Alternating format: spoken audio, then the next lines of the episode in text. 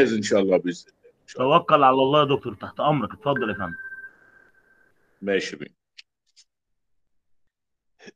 بسم الله الرحمن الرحيم. الحمد لله رب العالمين والصلاة والسلام على أشرف المرسلين سيدنا محمد وعلى آله وصحبه وبعد. فعود على بدء ورجوع لما مضى ووصل من قطع من الحديث فيما نقوم بدراسته من موضوعات صرفية. اليوم بمشيئته تعالى وحسن توفيقه نتحدث في عدة أمور. الأمر الأول هو آه، كيفية صياغة الفعل الماضي ثم نتحدث بعد ذلك حول كيفية صياغة الفعل المضارع ثم كيفية صياغة فعل الأمر ثم آه، نختتم حديثنا بالتعريف بالفعل المتعدي والفعل اللازم ومتى يكون المتعدي لازما ومتى يكون اللازم متعديا. آه، نقول أولا وبالله التوفيق الفعل الماضي هو ما يدل على حدوث شيء قبل زمن التكلم مثل قولي سافر محمد إلى مدينة الإسكندرية سافر فكلمة سافر فعل ماض وهي تدل على وقوع هذا الحدث وقوع السفر قبل زمن التكلم أي في الزمن الماضي. كلمة سافر كلمة اجتهد اجتهدت في طلب العلم. كلمة كتب كلمة صام إلى آخره. أما الفعل المضارع فهو ما يدل على حدوث شيء في زمن التكلم.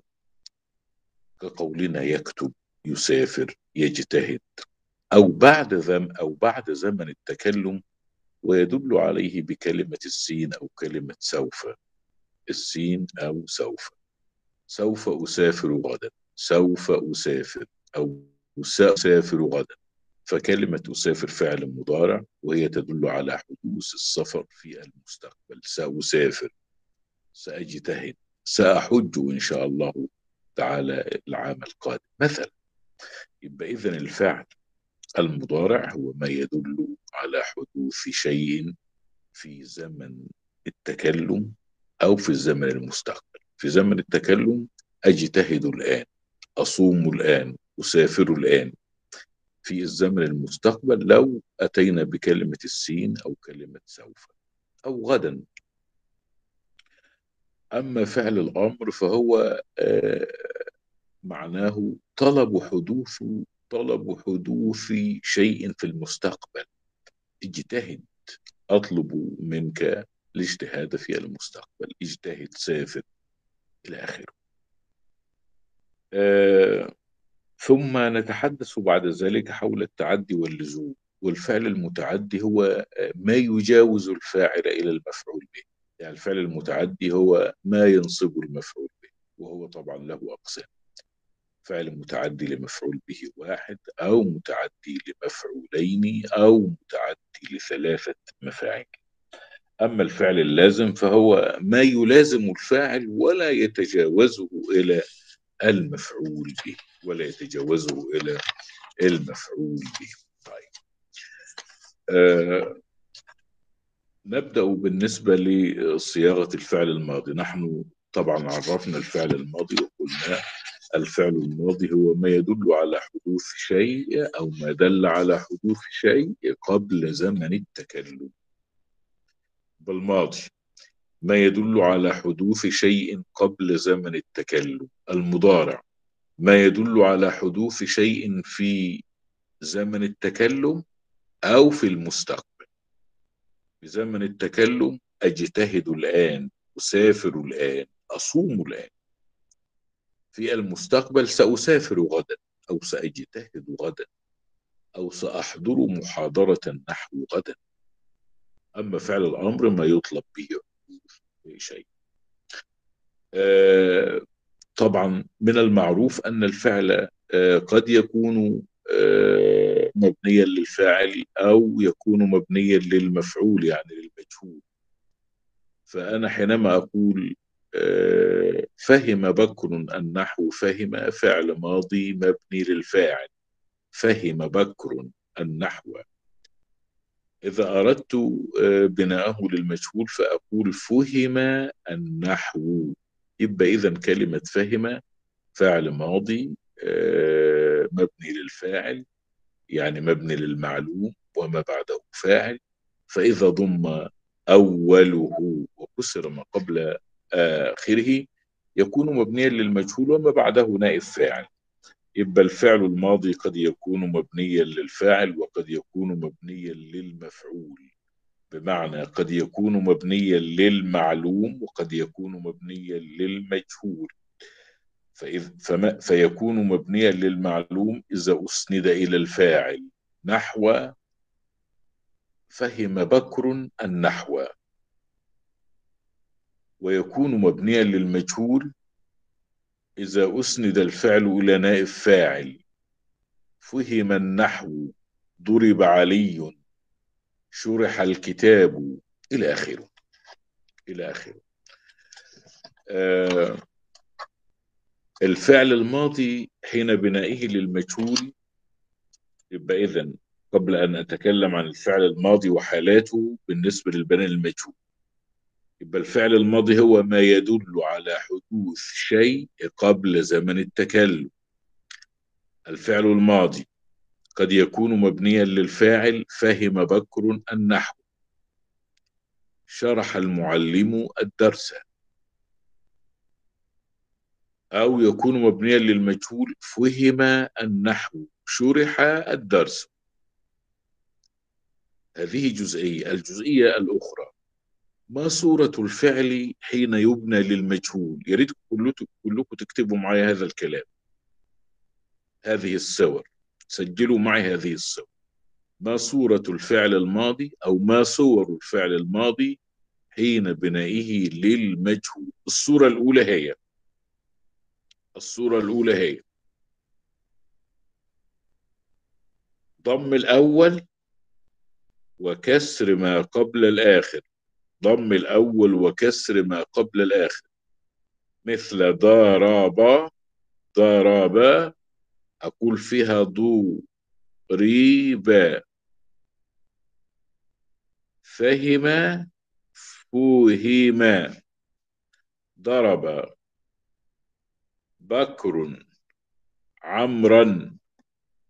تصير ضرب ضرب. أحذف الفاعل وهو بكر وأنيب عنه المفعول به وهو كلمة عمرو فتصير العبارة ضرب عمرو.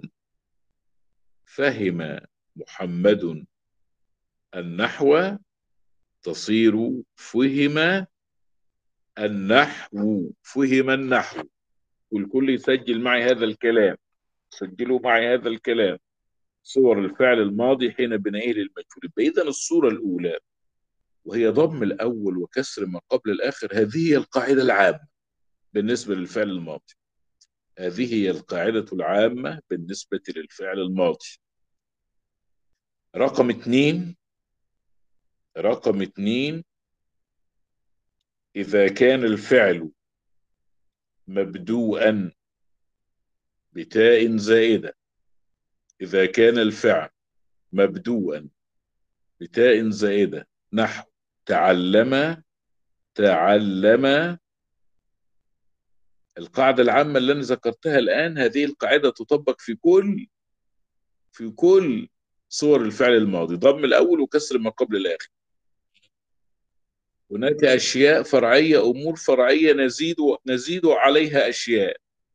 إنما القاعدة العامة تطبق في جميع حالات الفعل الماضي ضم الأول وكسر ما قبل الآخر. طب إذا كان الفعل الماضي مبدوءا بتاء زائدة هنضم الأول اللي هو التاء ونكسر ما قبل الآخر اللي هو اللام هذه القاعدة العامة ونضم الحرف التالي للتاء. يعني نضم التاء وما بعد التاء.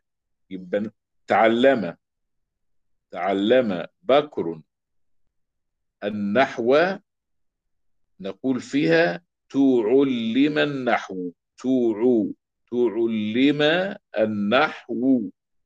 برضو ضميت الأول وكسرت من قبل الآخر اللي هو التاء ضميت التاء وكسرت اللام وضميت العين اللي هو الحرف الواقع بعد التاء. يبقى تعلم تعلم. تقدم تقدم.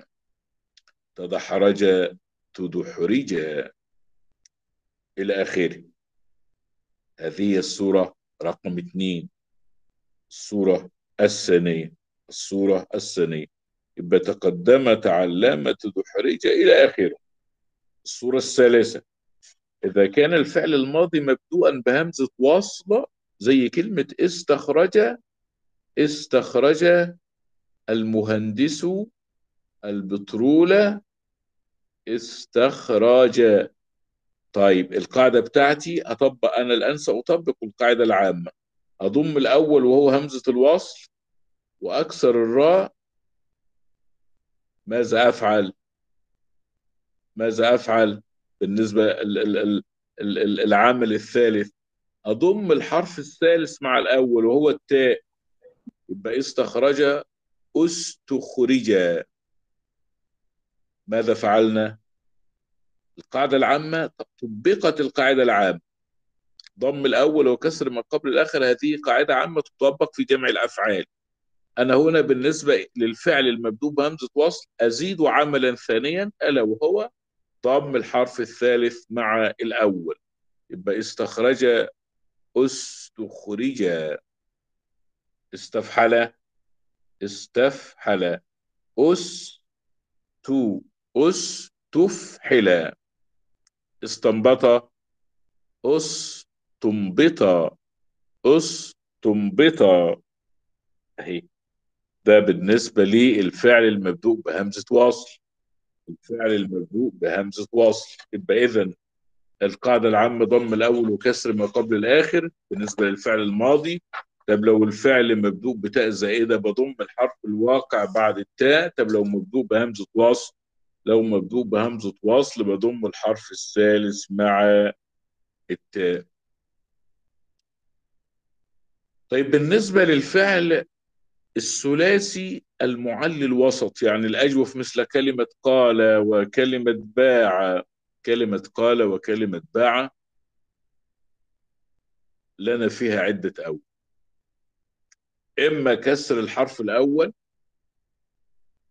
كسر القاف والباء فلو كسرت القاف من قال تقلب الألف إلى ياء فأقول في قال قيل.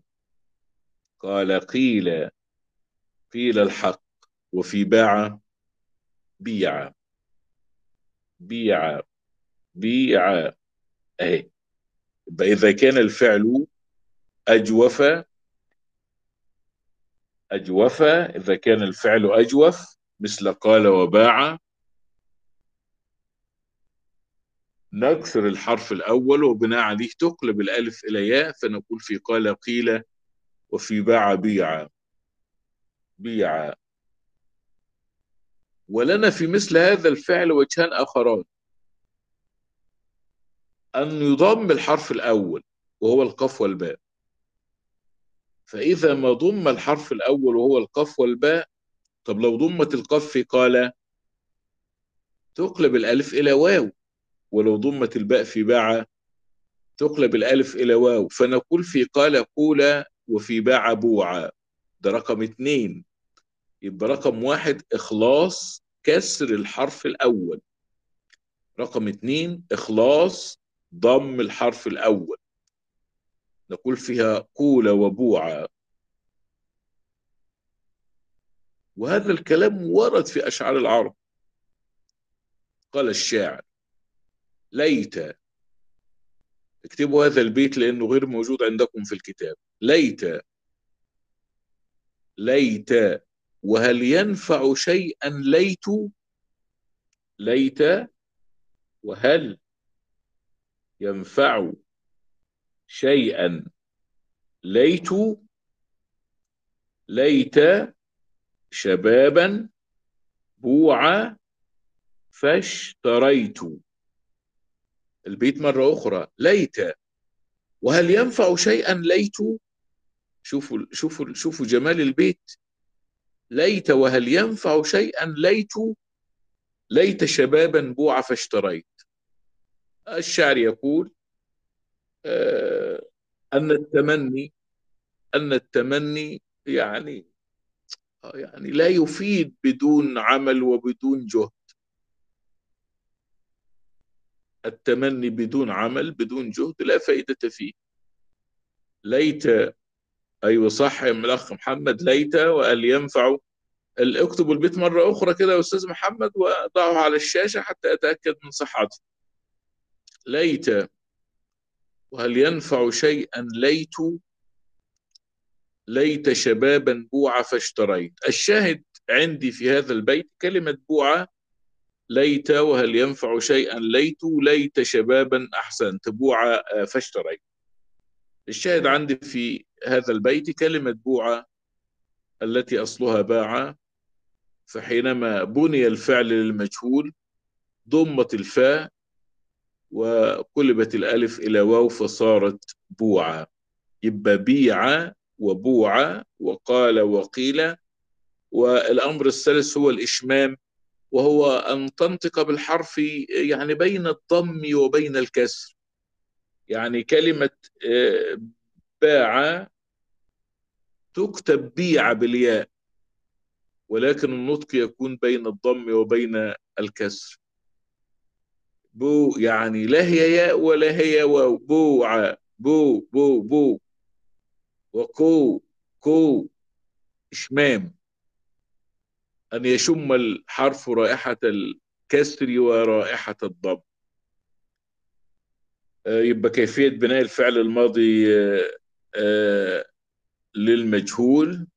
كيفية بناء الفعل الماضي للمجهول ضم الأول وكسر ما قبل الآخر. وهذه هي القاعدة العامة التي تطبق في جميع الأفعال الماضية. فإذا ما كان الفعل الماضي مبدوء بتاء الزائدة نزيد عملا آخر وهو ضم الحرف الواقع بعد التاء مع التاء مثل تعلم تو علم تقدم تقدم تدحرج. تدحرج إذا كان الفعل مبدوءا بهمزة وصل ضم الحرف الثالث مع الأول استخرج أست أست أست خرج. استفحل أس تفحل استعلم أس تعلم إذا كان الفعل أجوف مثل قال وباع إما أن نقوم بكسر الحرف الأول وبناء عليه فتقلب الألف إلى ياء فنقول في قال قيل وفي باع بيع أو نضم الحرف الأول فتقلب الألف إلى واو فنقول في قال قول وفي باع بوع. وفي باع بوع. ومثلها كلمة مد مد مد. مد مد أي بضم الحرف الأول. وإن مدت الأيدي إلى إلى الزيد لم أكن بأعجلهم وإن مدت وشد شد يبقى شد ضم الحرف الأول. طبعا كسر ما قبل الآخر هو الدال الأولى شدد فطبعا تضغم الأولى في الثانية فيصل الفعل شد. ده بالنسبة لي كيفية بناء الفعل الماضي للمجهول. يبقى كلمة فهم فهم كلمة نصر نصر نوصر نوصر نصر. طب لو أسند لألف الاثنين نصر. واو الجماعة نصروا. إيه؟ محمد نصر المحمدان نصرا المحمدون نصروا فاطمة فاطمة نصرت نصرت.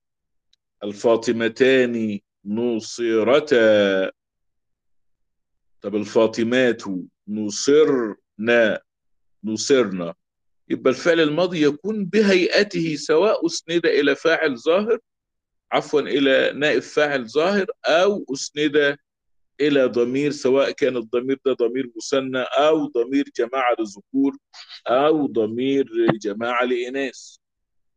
فاطمة نصرت الفاطمتان نصرتا. الفاطمات نصرنا بنون النسوة. أنت نصرت. أنتما نصرتما. أنتم نصرتم. أنتم نصرتم. أهي أنتن نصرتن. يبقى هي نصرت. نصرتا نصرنا. أنت نصرت. أنتما نصرتما. أنتم نصرتم. أنت نصرتي. أنتما نصرتما. أنتن نصرتن. يبقى الفعل الماضي إذا بني للمجهول سواء أسند لاسم ظاهر أو أسند لضمير حالته واحدة. لا تتغير. ضم الأول كسر ما قبل الإيه؟ كسر ما قبل الآخر. كسر ما قبل الآخر. أه تكلمنا قبل ذلك في كيفية ضبط عين عين المضارع من الماضي اللي هو حركة حركة الفعل المضارع مع الثلاثي مع الثلاثي. يعني إيه الكلام ده هو؟ يعني كلمة نصر والكلام ده إحنا شرحناه قبل كده بإيجاز. هنشرحه الآن بتوسع شوية. يعني أنا أشرت إليه قبل ذلك بإيجاز الآن يعني أتوسع فيه. كلمة ناصر فعل ماضي ومبني على الفاتح. فعل ماضي مبني على الفاتح. طب لو أنا أتيت بالمضارع من هذا الفعل ماذا أقول؟ لو أتيت بالمضارع من هذا الفعل نصر أنا أتحدث عن نفسي فأقول أنصر. أنصر بكرا. أنصر. أنصر. يبقى نصر أنصر. طب ماذا فعلت؟ ماذا فعلت؟ أتيت بحرف المضارعة وهو الهمز. أتيت بحرف المضارعة مفتوحا. يبقى نصر أنصر. طب هو هو ينصر. برضه حرف المضارعة الياء مفتوح هو ينصر. هي تنصر أخاها. يبقى أنا أنصر بكرا. أنت تنصر عليا. هي تنصر أخاها. تنصر يبقى مجيء الفعل المضارع من الفعل الماضي الثلاثي كيف أجيء به أو كيف أصوغه؟ آتي بحرف المضارعة مفتوح. يبقى فتح حرف المضارعة. أنصر. أنصر. أدي أنصر أهي. أنصر. حرف المضارعة المفتوح النون ساكنة اللي هو الحرف الثاني. تسكين فاء الفعل لأن أصله نصر على وزن فعل وأنصر على وزن أفعل يبقى أتينا بحرف المضارعة المفتوح رقم اتنين تسكين فاء الفعل وهو النون تسكين فاء الفعل وهو النون تبقى نصر أنصر. طب وفتح أفتح الباب أنا أفتح الباب. طب فهم أفهم أنا أفهم النحو. ما فيهاش أي صعوبة هي. نأتي بحرف المضارعة حرف المضارعة مفتوح ثم يكون فاء تكون فاء الكلمة أو فاء الفعل تكون ساكنة. يبقى فتح حرف المضارعة تسكين فاء الفعل. تسكين فاء الفعل. يبقى نصر أنصر فهم أفهم فهم أفهم أهي. أفهم نصر أنصو. فهم أفهم فتح الأول وتسكين الثاني. إنما بقى عين المضارعة تكون الصاد مضمومة هذه سماع يعني ده شيء سماعي. بالنسبة لحركة الإيه؟ عين المضارع من الفعل الماضي. هذا سمع عن العرب فينطق كما سمع. نصر أنصر الصاد مضمومة إيه فهم أفهم الهاء مفتوحة إيه الهاء مفتوحة. طب ضرب أضرب. الره مكسورة اهي إنما القاعدة بتاعتي اللي أنا بلتزم بها الآن هي فتح فتح حرف المضارعة وتسكين فاء الفعل. إنما عين الفعل المضارع هذه العين ينطق بها كما سمعت عن كما سمعت عن العرب. كما سمعت عن العرب. فتح أفتح. فهم أفهم. شرب أشرب. والى آخره ده بالنسبة للفعل المضارع من الثلاثي. من الثلاثي. طب كيف نأتي بالفعل المضارع أو ضابط المضارع من الرباعي؟ أو كي كيفية صياغة الفعل الفعل المضارع من الفعل الرباعي؟ يعني كلمة قدم أهي. كلمة قدم أربعة أحرف. أربعة أحرف رباعي أهو قدم طب كلمة أكرم أربعة أحرف. كلمة أعلن أربعة أحرف. كلمة أشرف أربعة أحرف. ماذا؟ كيف نأتي بالفعل المضارع؟ كيف نأتي بالمضارع؟ نأتي بالمضارع بضم حرف المضارع. بضم حرف المضارع. قدم أقدم. أقدم أقدم. أكرم أكرم أكرم. أكرم أكرم. أعلن. حينما نأتي بالمضارع نقول أعلن. أعلن. هذه الهمزة حرف المضارع إنما همزة الفعل حذف. أشرف أشرف.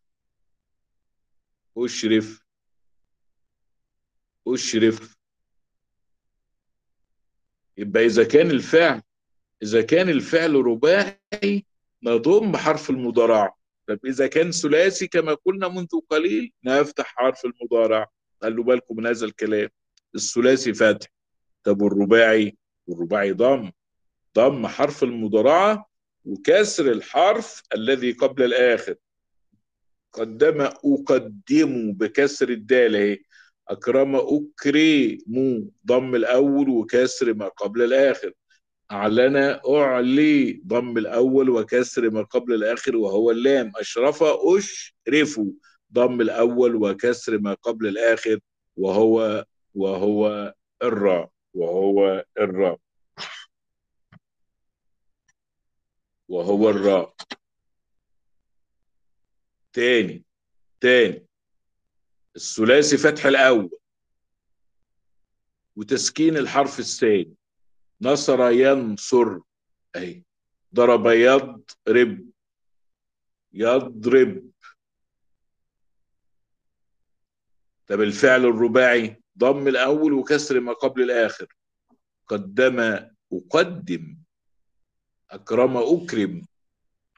أكرم أكرم. أعلن أعلن. ده بالنسبة للرباعي. طيب بالنسبة للفعل الخماسي الفعل الخماسي آه الخماسي الخماسي أهو.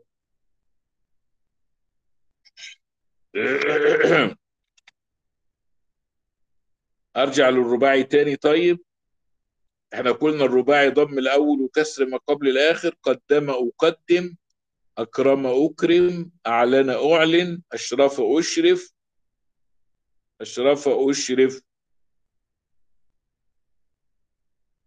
شارك نشارك. شارك أشارك. أنت تشارك. ضم الأول لأن شارك برضه فعل رباعي. شارك الشين والألف والره والكاف. دحرج يدحرج. زلزل يزلزل. زلزل يزلزل. يبقى ده بالنسبة للفعل الإيه؟ ده بالنسبة للفعل الرباعي. ننتقل بعد ذلك إلى الفعل الخماسي والسداسي. الفعل الخماسي والسداسي فتح الأول وكسر ما قبل الآخر. بعكس الرباعي. الرباعي ضم الأول وكسر ما قبل الآخر. دحرج يدحرج. طب الخماسي والسداسي فتح الأول وكسر ما قبل الآخر. استخرج ست أحرف استخرج يستخرج. فتح الأول وكسر ما قبل الآخر. فتح الياء وكسر الراء. استخرج يستخرج. استفحل يستفحل. استمطر يستمطر. تقدم.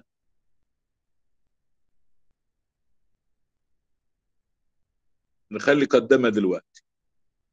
انطلق ينطلق استخرج يستخرج استعمر يستعمر. فتح الأول وكسر ما قبل الآخر. إنما إنما في الرباعي كان ضم الأول وكسر ما قبل الآخر. يبقى في الخماسي والسداسي فتح حرف المضارعة كسر ما قبل الآخر. كسر ما قبل الآخر. بشرط إذا لم يكن في أوله تاء زائدة زي كلمة تقدم تقدم اللي أنا قلت سيبوها دلوقتي. تقدم عبارة عن خمسة أحرف أوله تاء. إذا كان الفعل أوله تاء زي تقدم زي تقدم.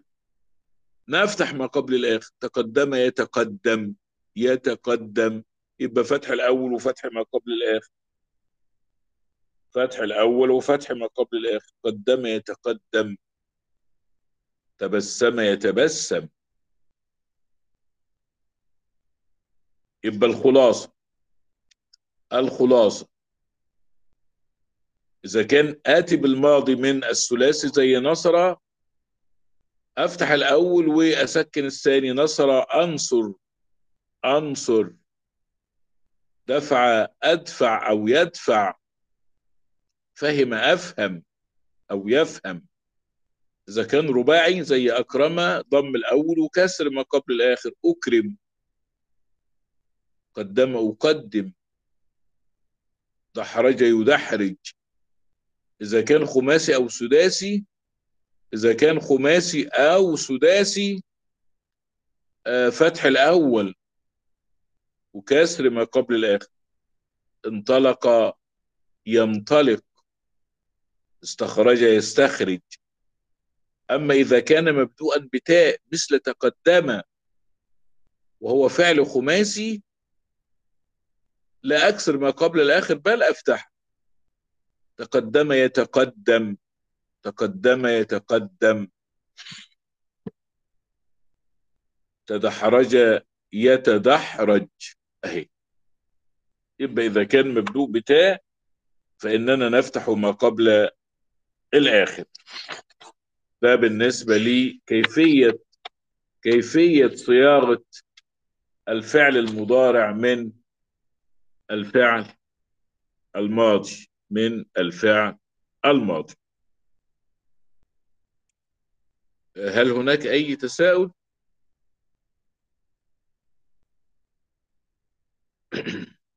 ده بالنسبة لصوغ الفعل المضارع من الفعل الماضي. طيب. آه لو كان الفعل الماضي الرباعي والخماسي والسداسي مبدوء بهمزة زائدة زي أكرم استخرج استنبط الفعل مبدوء بهمزة أهو فعل الماضي. طب كيف آتي بالمضارع منه؟ كما ذكرت منذ قليل بحذف همزة الوصل ده. تحذف يبقى كلمة أكرم أقول يكرم. أهي. يكرم. يكرم. حذفت الهمزة. استخرج يستخرج. يستخرج. يستخرج. استنبط يستنبط. يبقى يكرم يستخرج يستنبط. الحروف دي الياء اللي هي ياء المضارعة. ولو أنا بتكلم عن نفسي بقول أنا أكرم فلانا أكرم. برضو الهمزة في أكرم اللي هي همزة المضارعة. إنما أكرم لا دي همزة الفعل. أكرم أفعاله دي بالفعل فعل همزة الفعل الماضي. أكرم أفعاله الهمزة اللي هي الموجودة في الفعل الماضي. لو أنا أتيت بالمضارع بحذف هذه الهمزة وآتي بحرف المضارع يكرم أو أكرم لو أنا أتحدث عن نفسي. أكرم. يبقى أكرم يكرم أكرم نكرم تكرم. وهكذا. وهكذا. أحسن أحسن يحسن نحسن. استخرج. أستخرج. يستخرج. نستخرج. تستخرج. الهمزة حذفت تماما. لا وجود لها. انطلق. ينطلق. بكر ينطلق. هند تنطلق. هما ينطلقان. أنتم تنطلقون. أنتما تنطلقان. هن ينطلقن. أين همزة انطلق؟ حذفت. استخرج. يستخرج.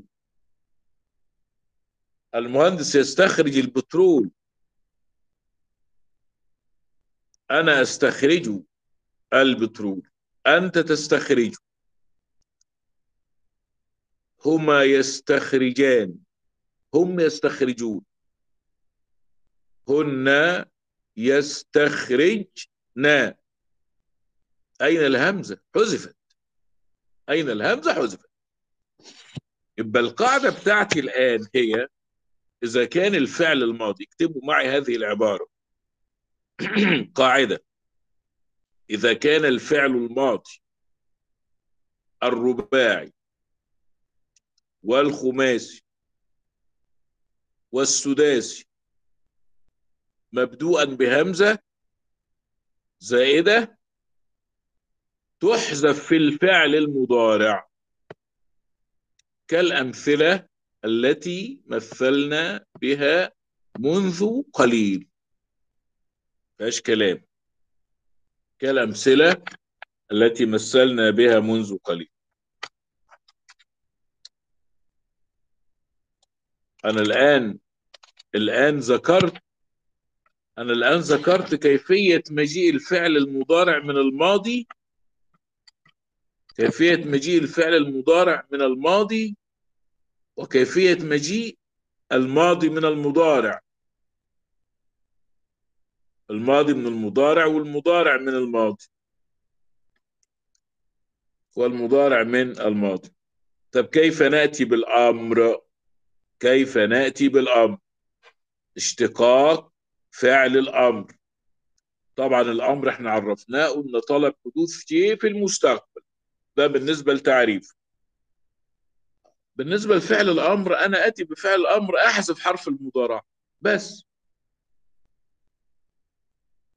أهي. مثلا أنت أنت تفهم النحو. تفهم فعل مضارع. احذف التاء. أنت تف تفهم شوفوا أنا بنطق إزاي. أنت تفهم التاء مفتوحة والفاء ساكنة. احذف حرف المضارع وهو التاء.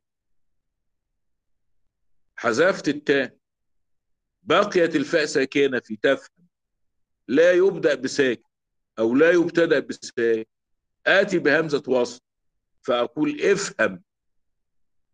افهم النحو. تاني.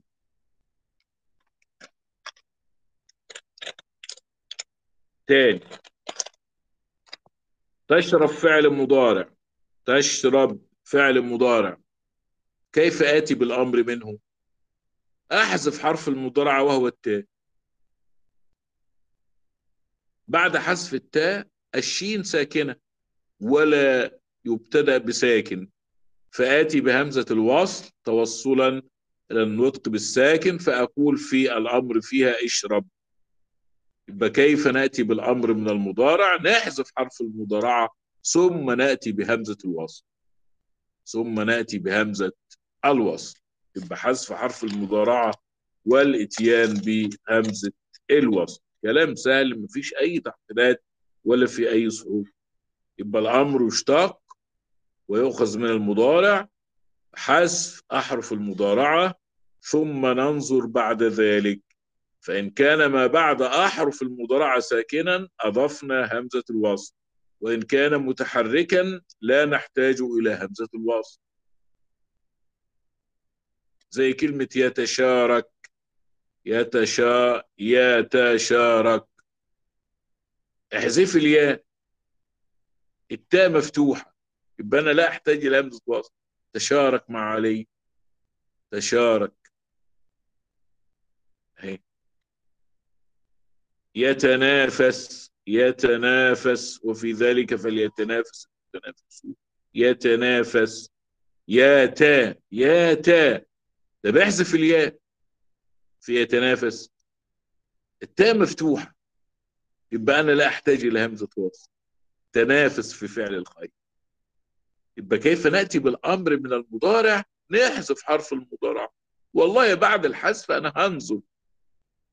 لو كان الحرف الموجود بعد حرف المضارعة متحركا أنا لا أحتاج إلى همزة وصل طب إذا لم يكن متحركا بل كان ساكنا أحتاج إلى همزة إلى همزة وصل أحتاج إلى همزة وصل يبقى كلمة تضرب لو أنا حذفت التاء أحتاج لهمزة وصل وأقول اضرب. كلمة تدعو تدعو تدعو. طب أنا لو حذفت التاء الدال ساكنة يبقى أنا سأحتاج إلى همزة وصل أقول ادعو ادعو إلى سبيل ربك بالحكمة والموعظة الحسنة ادعو. أهي. ادعو. أنت تشارك عليا. أنت تشارك أنت تشارك تو تشارك. طب لو أنا حذفت التاء الشين مفتوحة يبقى أنا لا أحتاج إلى همزة وصل يبقى الأمر من تشارك شارك. الأمر من تدافع دافع. الأمر من تجالس أنت تجالس بكرا. الأمر من من تجالس جالس بكرا. لا أحتاج إلى همزة وصل لأن الجيم متحركة أن الجيم متحركة آه ننتقل بعد ذلك إلى برضو ما زلنا مع الفعل ما زلنا مع الفعل هل في أي تساؤل؟ ما زلنا مع فعل الأمر أهي.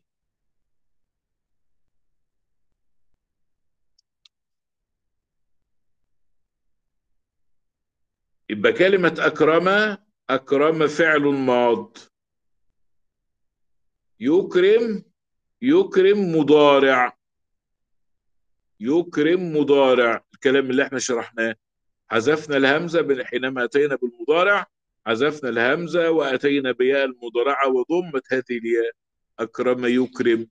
الأمر منه أكرم. أحسن. يحسن. أحسن.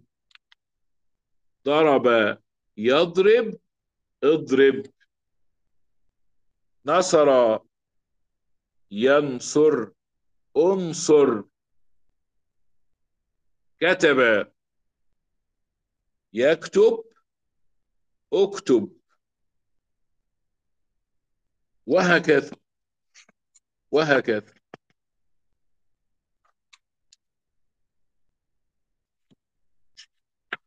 آه ننتقل بعد ذلك إلى آه أقسام الفعل إلى متعد وإلى وإلى لازم. أقسام الفعل إلى متعد وإلى لازم هل هناك أي استفسار؟ هل هناك أي تساؤل؟ السلام عليكم ورحمة الله وعليكم السلام ورحمة الله وبركاته آه سيدي فيما يتعلق بالبحث المطلوب منا وهو نعم. آه وهو بعنوان آه إسناد الأفعال الصحيحة والمعتلة إلى الضمائر نعم هو من قبيل ما شرحته الآن يا سيدي أليس كذلك؟ بلى بلى بلى بارك الله فيكم بلى آه، بلى وإحنا شرحنا هذا الدرس يا محمد نعم نعم بارك آه، الله درس الله شرحناه. نعم نعم. هل هناك أي تساؤل آخر؟ هل هناك أي استفسار؟ ودكتور ب... آه، ممكن سؤال آه، اتفضل يا أستاذ حسن بالنسبة لل... آه، اللي هو الهمزة آه، لما يعني إزاي أعرف يكون بالضمة أو بالكسرة في ال... في الأمر م- مثل ماذا؟ يعني آه. مثلا آه، اسمه آه، أو لا استنى آه. آه، أنت قلت مثلا أكرم صح؟ أكرم أيوه. أكرم فعل. مضارع آه. آه بس هنا بال... بالضمة. تمام. بالضم يا وبعدين حسن آه. لا في ساعات مش بتبقى بال- بالضمة وساعات م- بالكسرة. مش أنا ذكرت الأح... يا أستاذ حسن يا أستاذ حسن. أي أي مش أنا ذكرت الأحوال دلوقتي قلت. بالنسبة للفعل الماضي الفعل الماضي الرباعي زي أكرم لو آه. أنا أتيت الماضي الرباعي زي أكرم لو أنا أتيت بالمضارع منه أكرم آتي بحرف المضارعة وأضم حرف المضارعة. أي هذه قاعدة. في أكرم أكرم وأحسن وأحسن أحسن وأعلن أعلن. أعلن. طيب. آه. وكل وزلزل أزلزل أو يزلزل. وزاز أيوة نعم. يعني على طول هتبقى بالضمة ها؟ هتبقى بالضمة ما عدا بعض الحالات. لا هات القاعدة اللي أنت كتبتها معايا دلوقتي. آه، ماذا كتبت؟ آه كتبت آه. نحذف آه حرف المضارع. تمام. عندما آه. طيب نحذف إذا كان. أيوه. أحذف أحذف حرف آتي بحرف المضارع. أنا آتي بالمضارع من الماضي. فأنا أيوه. هحذف الهمزة أحذف أحذف الهمزة في أكرم وآتي مهم. بحرف المضارعة سواء كان همزة مثل أكرم أو ياء مهم. مثل يكرم أو نون مثل نكرم أو تاء مثل تكرم. طيب. آه، آتي بحرف المضارعة وأضم حرف المضارعة وأكسر ما قبل الآخر. آه طيب طيب. وكتبت إيه يعني تاني؟ لا دي فهمتها خلاص فهمتها. آه طب لو في أي تساؤل تاني؟ جزاك الله خير يا دكتور. لا عفوا.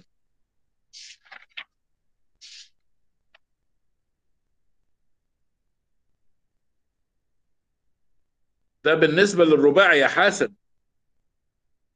رباعي بس؟ طب لو كان الفعل خماسي زي انطلق طيب هات منه فعل مضارع هات الفعل المضارع من انطلق. ينطلق. تمام. انت فتحت الأول وكسرت ما قبل الآخر لأنه فعل خماسي. هات المضارع من استخرج يستخرج. تمام. فتح الأول وكسر ما قبل الآخر. يبقى لو كان رباعي ضم الأول وكسر ما قبل الآخر. لو كان طيب خماسي أو سداسي فتح. الأول وكسر ما قبل الآخر. فهمت. لا خلاص فهمت. عفوا. تسلم دكتور. عفوا. هل هناك أي تساؤل آخر؟ هل في أي تساؤل؟ أنا منتظر لو في أي أسئلة.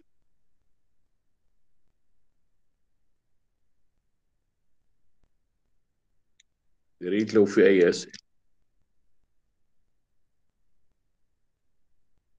ننتقل بعد ذلك إلى جزئية أخرى وهي أقسام الفعل إلى متعد وإلى لازم. نحن آه، يمكن أنا آه، بدأت المحاضرة بتعريف الفعل المتعدي واللازم وقلت إن الفعل المتعدي هو ما يجاوز الفاعل إلى المفعول به بمعنى ما يتعدى إلى المفعول به فينصبه. حتى إحنا في كلامنا العادي بنقول أنا تعديت على فلان بالضرب. أو فلان تعدى على فلان بالضرب أو الشتيمة تعدى عليه. يعني جاوز حده. التعدي هو مجاوزة الحد. تعدى عليه بالضرب أو بالشتيمة إلى آخره. وكذا الأمر بالنسبة لل- لل- لافعال اللغة. الفعل يتعدى إلى المفعول به يعني يتجاوز الفاعل وينصب المفعول به. أما الفعل اللازم فلا. ينصب مفعولا به ولا يجاوز الفاعل. متعدي مثل فهمت النحو فهمت النحو النحو مفعول به منصوب. مناصب كلمة النحو هو الفعل فهم يبقى الفعل فهم هو الذي نصب النحو. تعدى عليه ونصبه. قرأت الكتاب. قرأت الكتاب. تدبرت المسألة. أما الفعل اللازم لا يتعدى إلى مفعول به. يقتصر عند الفاعل ولا يجاوز الفاعل. مثل جلست جلست جلست أو قعدت أو فرحت. فرحت فعل وفاعل ملهاش مفعول به. يبقى إذن الفعل المتعدي الفعل المتعدي هو ما يتعدى إلى المفعول به آه، فينصبه بمعنى ما يجاوز أثره فاعله إلى المفعول به بنفسه نحو فهم بكر الدرس والفعل اللازم هو ما يلزم الفاعل ولا ينصب مفعولا به بنفسه. قد يسأل سائل هل للفعل المتعدي علامات؟ آه نعم للفعل المتعدي علامات.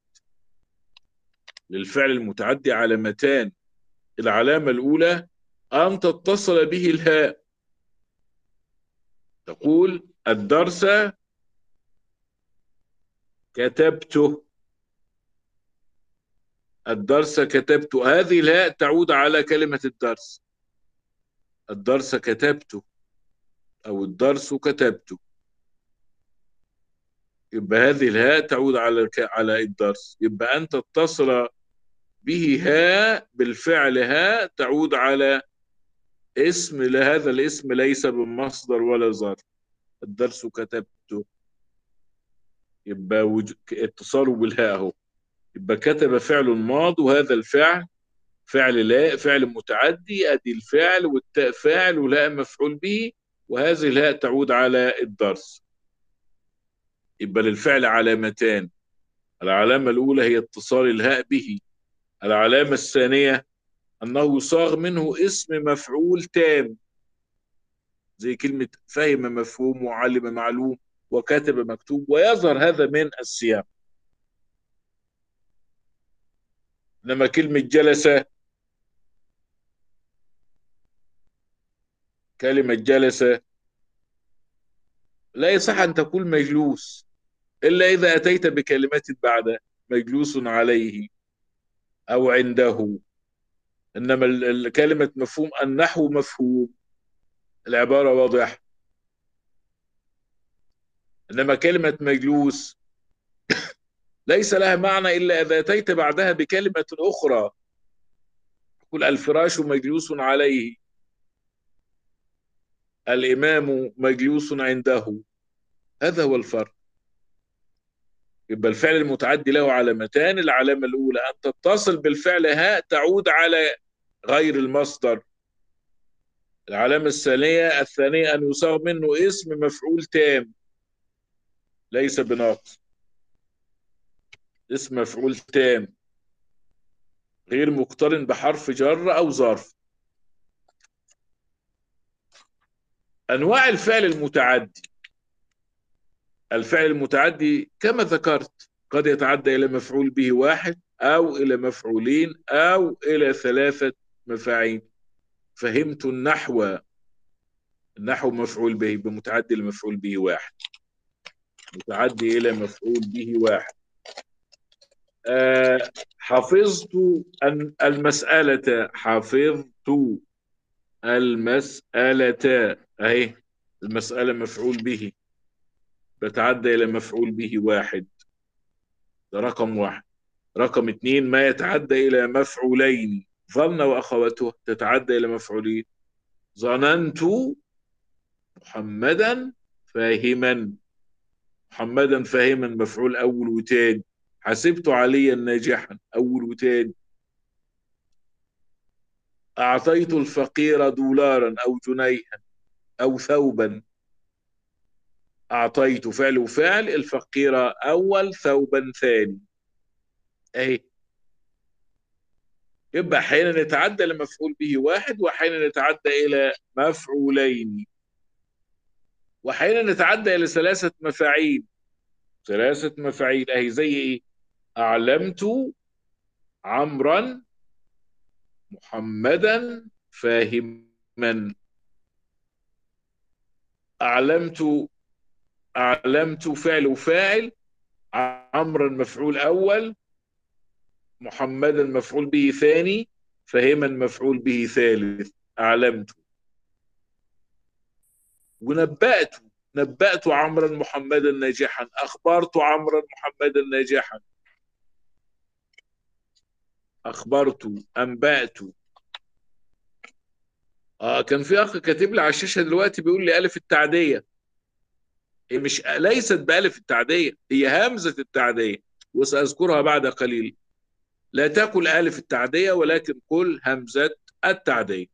وسأذكرها بعد قليل. آه يبقى إذا الفعل المتعدي هو ما يتعدى إلى المفعول به بنفسه. وكما ذكرنا له علامتان وكما ذكرنا أيضا أنواعه آه قد يكون آه متعديا لمفعول به واحد أو لمفعولين أو لثلاثة مفاعيل. ده بالنسبة للفعل المتعدي. ننتقل إلى الفعل اللازم. اللازم كما ذكرت منذ قليل هو ما يلزم الفاعل ولا يتعدى إلى المفعول به بنفسه.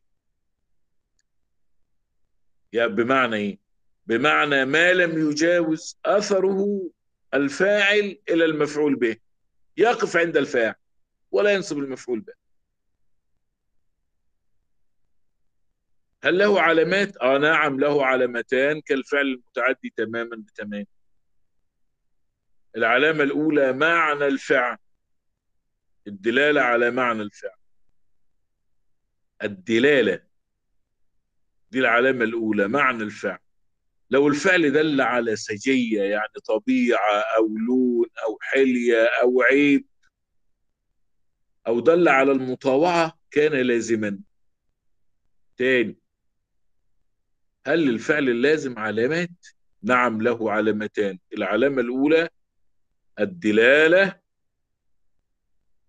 دلالة معنى الفعل على سجية أو لون أو حلية أو عيب. مثل حسن حسن علي. لا تأتي لها مفعول به. كلمة إبيض التي تدل على اللون. احمر. أقول احمر احمر الورد. اخضر الزرع. فعل وفاعل ملاش مفعول. عور فلان. عور. تدل على عيب دي العلامة الأولى. يبقى إذن للفعل اللازم علامتان. تعريف الفعل اللازم ثواني دقيقة واحدة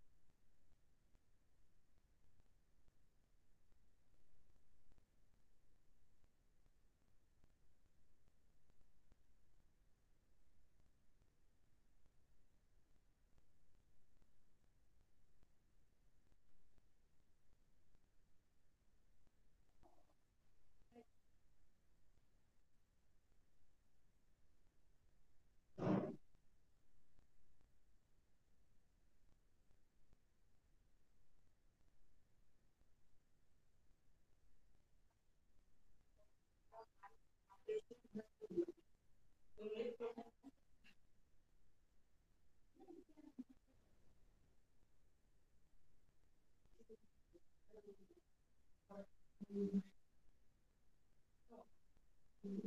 eh,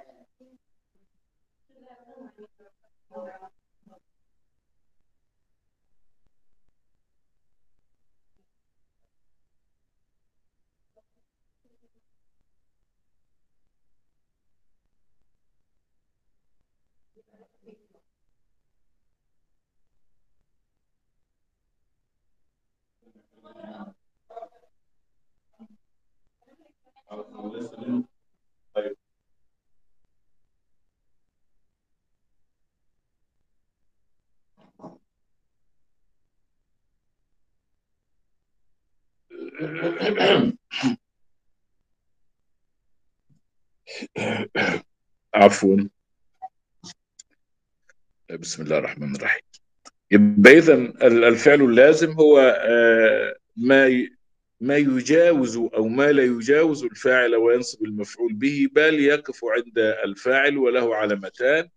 العلامة الأولى هي آه، معنى الفعل آه، وذلك إذا دل على سجية أو لون أو عيب أو حلية كلم زي كلمة حسن كلمة كسل كلمة إبيض بتدل على لون كلمة عامشة كلمة عاورة إلى آخره. آه، رقم اثنين آه، صيغة الفعل. صيغة الفعل. فهناك صيغ إذا جاء عليها الفعل يكون الفعل لازما. مثل صيغة فعل.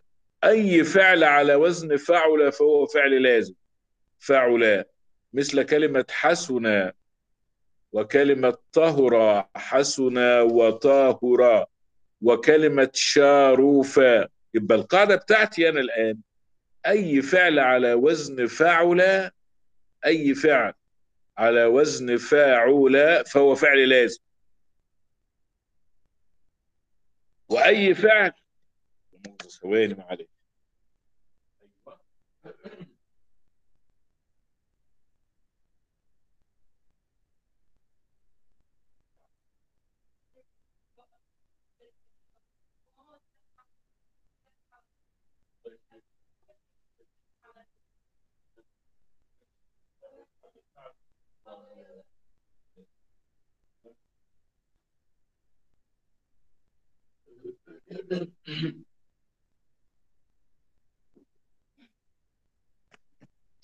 يبقى أي فعل على وزن فعل هو فعل لازم مثل حسن وشرف ده رقم واحد. رقم اتنين أي فعل على وزن إن فعل مثل إن كسر إن دفع أو انكسر الزجاج. انكسر الزجاج. لا يأتي له مفعول به. دائما فعل لازم. أيضا إذا كان على وزن افعلل مثل اشمأز أو إكشعر اشمأز إكشعر. أو إذا كان على وزن افعنلل مثل احرنجما معناها اجتمع. يبقى إذا مرة أخرى الفعل اللازم هو ما يلزم الفاعل ولا يتعدى إلى المفعول به بنفسه. كما أن للفعل المتعدي علامتان كما أن للفعل المتعدي علامتين للفعل اللازم أيضا علامتان العلامة الأولى معنى الفعل العلامة الثانية وزن الفعل.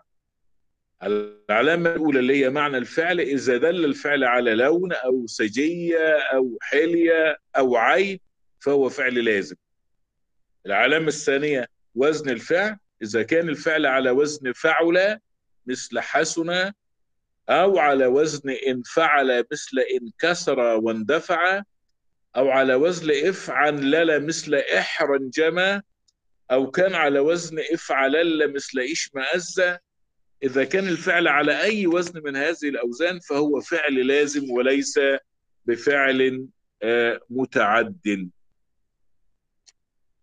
ننتقل إلى جزئية أخرى وهو وهي هل يصير أو هل يكون الفعل اللازم متعديا؟ آه نعم يكون الفعل اللازم متعديا في حالات. يبقى إذا أحيانا يصير الفعل اللازم متعديا. خلوا بالكم معايا. الفعل اللازم هو ما يلزم الفاعل ولا يتعدى إلى المفعول به بنفسه. هل يجيء الفعل اللازم متعديا؟ آه نعم يجيء الفعل اللازم متعديا ولكن بواسطة. رقم واحد بواسطة الهمزة. أخونا اللي من شوية قال الألف لا ليست الألف ولكنها الهمزة. الألف حرف علة لا, لا تجعل اللازم متعديا إنما الهمزة حرف صحيح. يجعل اللازم متعديا. يبقى هل يأتي الفعل اللازم متعديا؟ نعم قد يأتي الفعل اللازم متعديا بأمور. الأمر الأول هو الهمزة. كلمة كرم كلمة كرم فعل لازم. طب لو أدخلت الهمزة بقى عليه يصير متعدي. أكرم بكر عمرا أهي. أكرم بكر عمرا أهي. أكرم بكر عمرا آه كلمة جلس فعل لازم. طب دخل الهمزة عليه. جلس. أجلست أجلست سعيدا. يعني أنا مسكته وخليته قعد أدي معناه. أجلست سعيدا. أجلست يبقى رقم واحد الهمزة. الهمزة تجعل الفعل اللازم متعدي. كلام جميل. كلام زي سلاسل الدهر رقم اتنين التضعيف.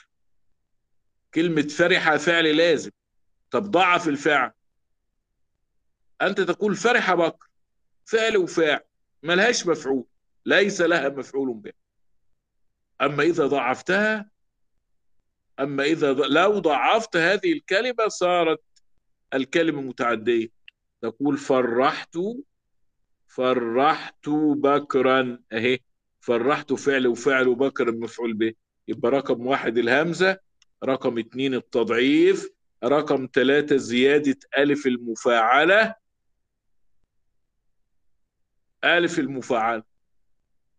جالس زيد العلماء جالس زيد العلماء جالس على وزن فعل الفعل جلس جلس الجيم واللام والسين ده فعل لازم.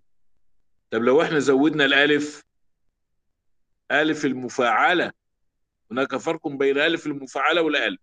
لو أنت قلت زيادة الألف غلط. لازم تقول لي ألف المفاعله حتى لا تلتبس بالألف اللي هي حرف العله اللي هي كلمة قال وباع ونام وصام إلى آخره. يبقى جالس يبقى زيادة ألف المفاعلة جالس زيد العلماء. أو زيادة حرف الجر. ذهبت بعلي ذهبت بعلي. كلمة ذهب فعل لازم حينما تأتي التاء نقول ذهبت بعلي. وبعلي هذه المفعول به أو وقعت موقع المفعول به زيادة الهمزة والسين والتاء. كلمة خرج فعل لازم. خرج. خرجت.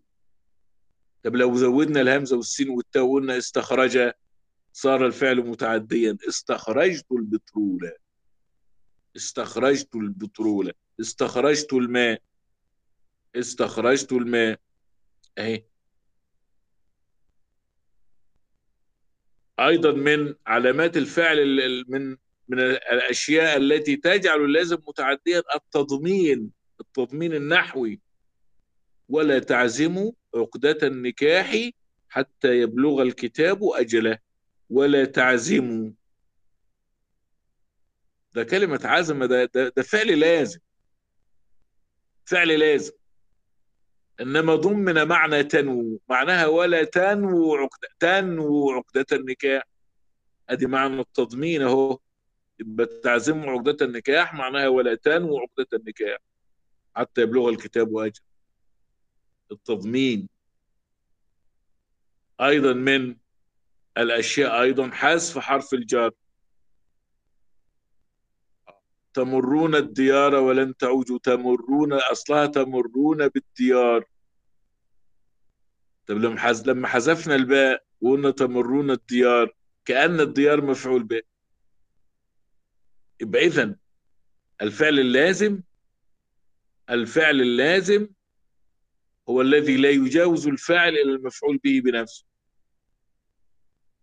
وهذا الفعل هناك بعض الأمور تجعل هذا الفعل اللازم فعل متعدي تحوله من لازم إلى متعدي زيادة الهمزة التضعيف ألف المفاعلة زيادة حرف الجر ذهبت بعلي ذهبت بخالد زيادة الهمزة والسين والتاء استخرج المهندس البترول التضمين النحوي حذف حرف الجر. حذف حرف الجر. ده بالنسبة للفعل اللازم الفعل اللازم. آه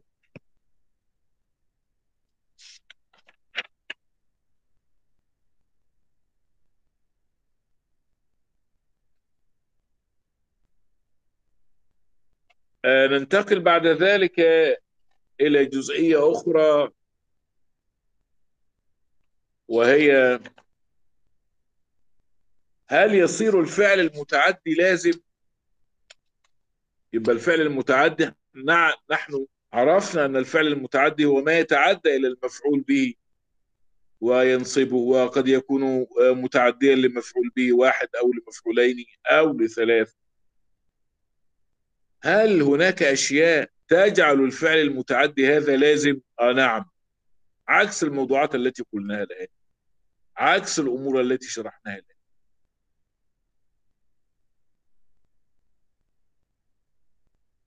ذهبت التلميذ المدرسة الأخونا اللي بيقول هل يجوز لنا أن نقول ذهبت ذهبت التلميذ المدرسة؟ لا يجوز لأن المعنى فاسد. ذهب ذهب يعني التلميذ. أه؟ ذهب التلميذ المدرسة سيدي. آه ولا يجوز ولكنه ولكنه قليل يا أستاذ آه، محمد. آه نعم, نعم، يجوز قياسا على الأمثلة التي ذكرناها. بارك الله فيك. ذهب التلميذ المدرسة. يجوز قياسا على الأمثلة المثال الذي آه، ذكرته منذ قليل. كان في أخ كاتب سؤال تاني على الشاشة بس بسرعة يعني لم أرى. كان في سؤال آخر. آه، يبقى إذا الفعل اللازم هو آه، في جملة أخبرت عمرا محمد يعني معلش دع ال- دع المثال يعني لبعض الوقت حتى أتمكن من رؤيته حضرتك لازم تفتح ال- اللي هو الشات بوكس اللي هو صندوق اللي فيه الرسائل يا دكتور. انت لو ضغطت لو لو لاحظت في ثلاثة نقاط تحت الشاشة كده على الكورن تحت على اليمين. أيوة. آه. اضغط على الثلاث نقاط دي وهتلاقي حاجة اسمها ال in call messages يعني حاجة كده عامل آه، آه، مشاركة الرس... الشاشة؟ آه، لا مش مش مش اللي هو الرسائل. الرسائل آه. أيوه. وهتعرف تشوف كل الرسائل. مم. آه في جملة أخبرت عمرا محمدا ناجحا لماذا محمد ناجح ليس جملة اسمية في محل نصب؟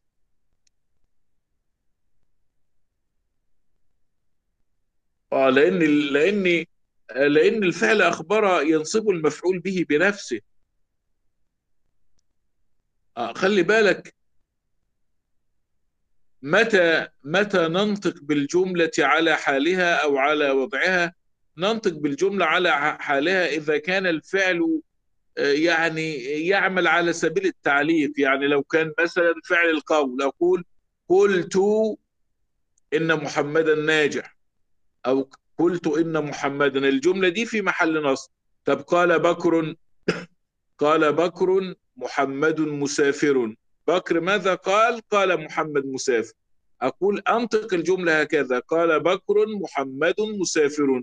وأقول إن محمد مسافر هذه الجملة في محل نصب مفعولي آه، آه، أو مفعولي ال- الكلمة قال يعني سدد هي مقول القول كأنها مفعول به. إنما كلمة أخبر آه، تنصب المفعول به بنفسها ما فيها مشكلة هل يمكن أن نقول ذهب التلميذ المدرسة وذلك بحذف حرف الجر قياسا على ما ذكرناه؟ في جملة أخبرت عمرا محمدا ناجحا لماذا محمد ناجح ليس جملة اسمية لا بقول مفعول تاني ومفعول تالت. مفعول تاني ومفعول تالت. نعم. آه ننتقل الآن إلى جزئية أخرى. طبعا نحن ذكرنا منذ قليل أن الفعل اللازم آه، قد يصير متعديا وذلك ب- آه، في بعض الحالات. قلنا إذا دخلت عليه الهمزة إذا ضعف آه، إذا كان على وزن فاعلة آه، إذا كان هناك آه، تضمين نحوي.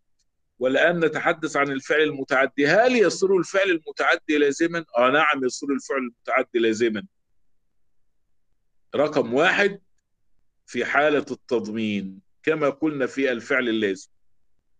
في حالة التضمين. نحن قلنا إذا ضمن الفعل اللازم معنى فعل متعدي صار لازما صار متعديا عفوا. زي ولا تعزموا عقدة النكاح معناها ولا تن. أيضا هنا إذا تضمن الفعل اللازم معنى المتعدي صار متعديا. كقوله تعالى فليحذر الذين يخالفون عن أمره. فليحذر الذين يخالفون عن أمره. ده كلمة خالف ده خالف فعل متعدي ولكنه تضمن معنى الفعل اللازم فصار لازما. فليحذر الذين يخالفون عن أمره يخالفون عن أمره. يخالفون يخالفون فعل وفاعل. يخالفون فعل وفاعل.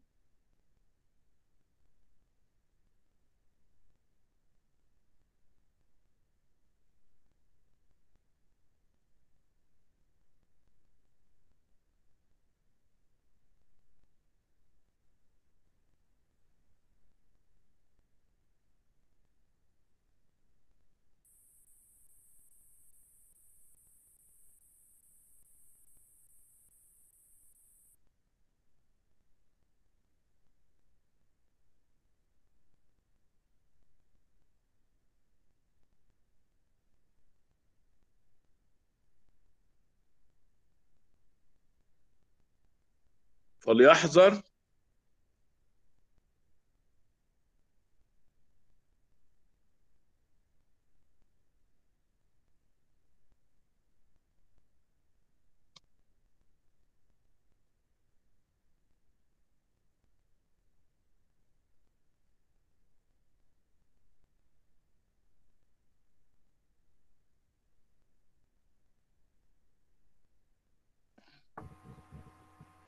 أيوه. اسمعكم يا سيدي. آه صوتي واضح؟ نعم سيدي واضح؟ نعم. طيب. فليح... يبقى اذا هناك عدة أمور يصير بها الفعل آه، المتعدي لازما رقم واحد التضمين النحوي. كما ذكرنا أن الفعل اللازم اللازم يصير متعديا في التضمين كقوله تعالى ولا تعزموا عقدة النكاح. أيضا يصير الفعل المتعدي لازما في حالة التضمين كقوله تعالى فليحذر الذين يخالفون عن أمره.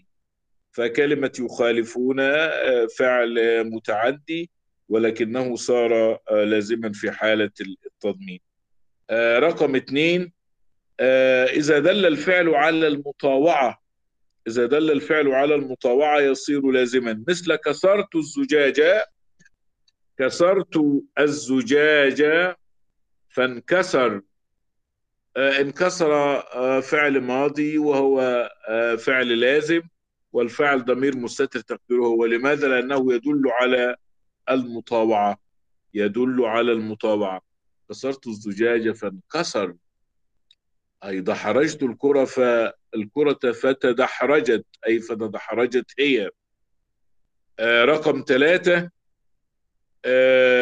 إذا تأخر العامل كقوله تعالى إن كنتم للرؤيا تعبرون إن كنتم للرؤيا تعبرون فتعبرون فعل وفاعل وليس لها مفعول به لأن العامل تأخر. فإذا تأخر العامل أصابه ضعف يبقى صار العامل ضعيفا بسبب تأخيره. آه، يب- يبقى إذا إذا يصير الفعل المتعدي لازما في عدة أمور. الأمر الأول التضمين النحوي كقوله تعالى فليحذر الذين يخالفون عن أمره. آه، رقم اثنين آه، إذا دل الفعل على المطاوعة كسرته فانكسر. رقم ثلاثة إذا تأخر العامل لأنه بتأخيره صار ضعيفا.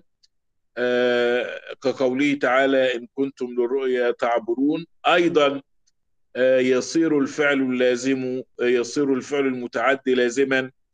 إذا حول إلى وزن فعل مثل كلمة ضرب زي ضرب بكر ضرب لأننا قلنا إن الفعل إذا كان على وزن فعل فهو لازم زي حسن وشرف إلى آخره.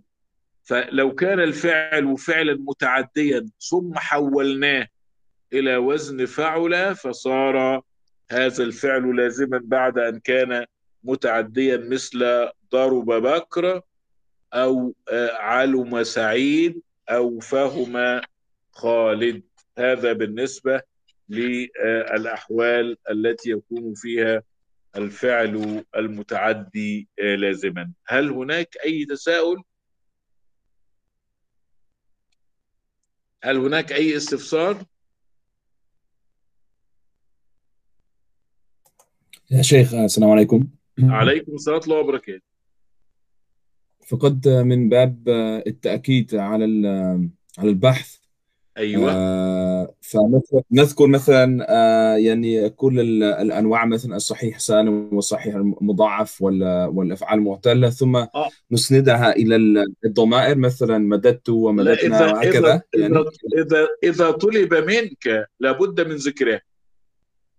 إذا كان إذا نعم. إذا طلب منك في السؤال ذكر أنواع الصحيح أو أنواع المعتل آه، لابد من ذكرها نعم نعم لكن في البحث آه، يقال آه، يعني إسناد الأفعال المختلفة الصحيحة والمعتلة إلى الضمائر فهذا نعم. يعني هل فهمته صحيح؟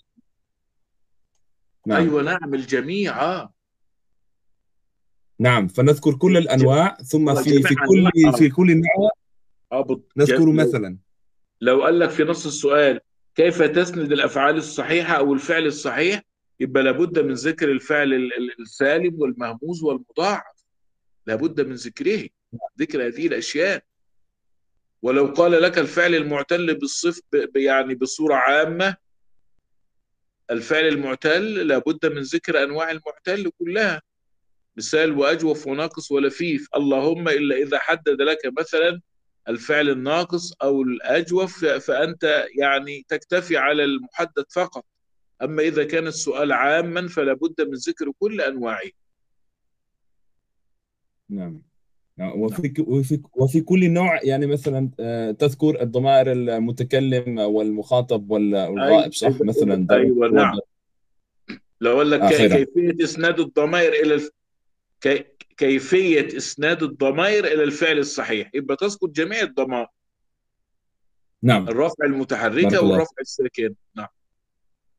نعم مفهوم. شكرا. عفوا عفوا. هل هناك أي تساؤل آخر؟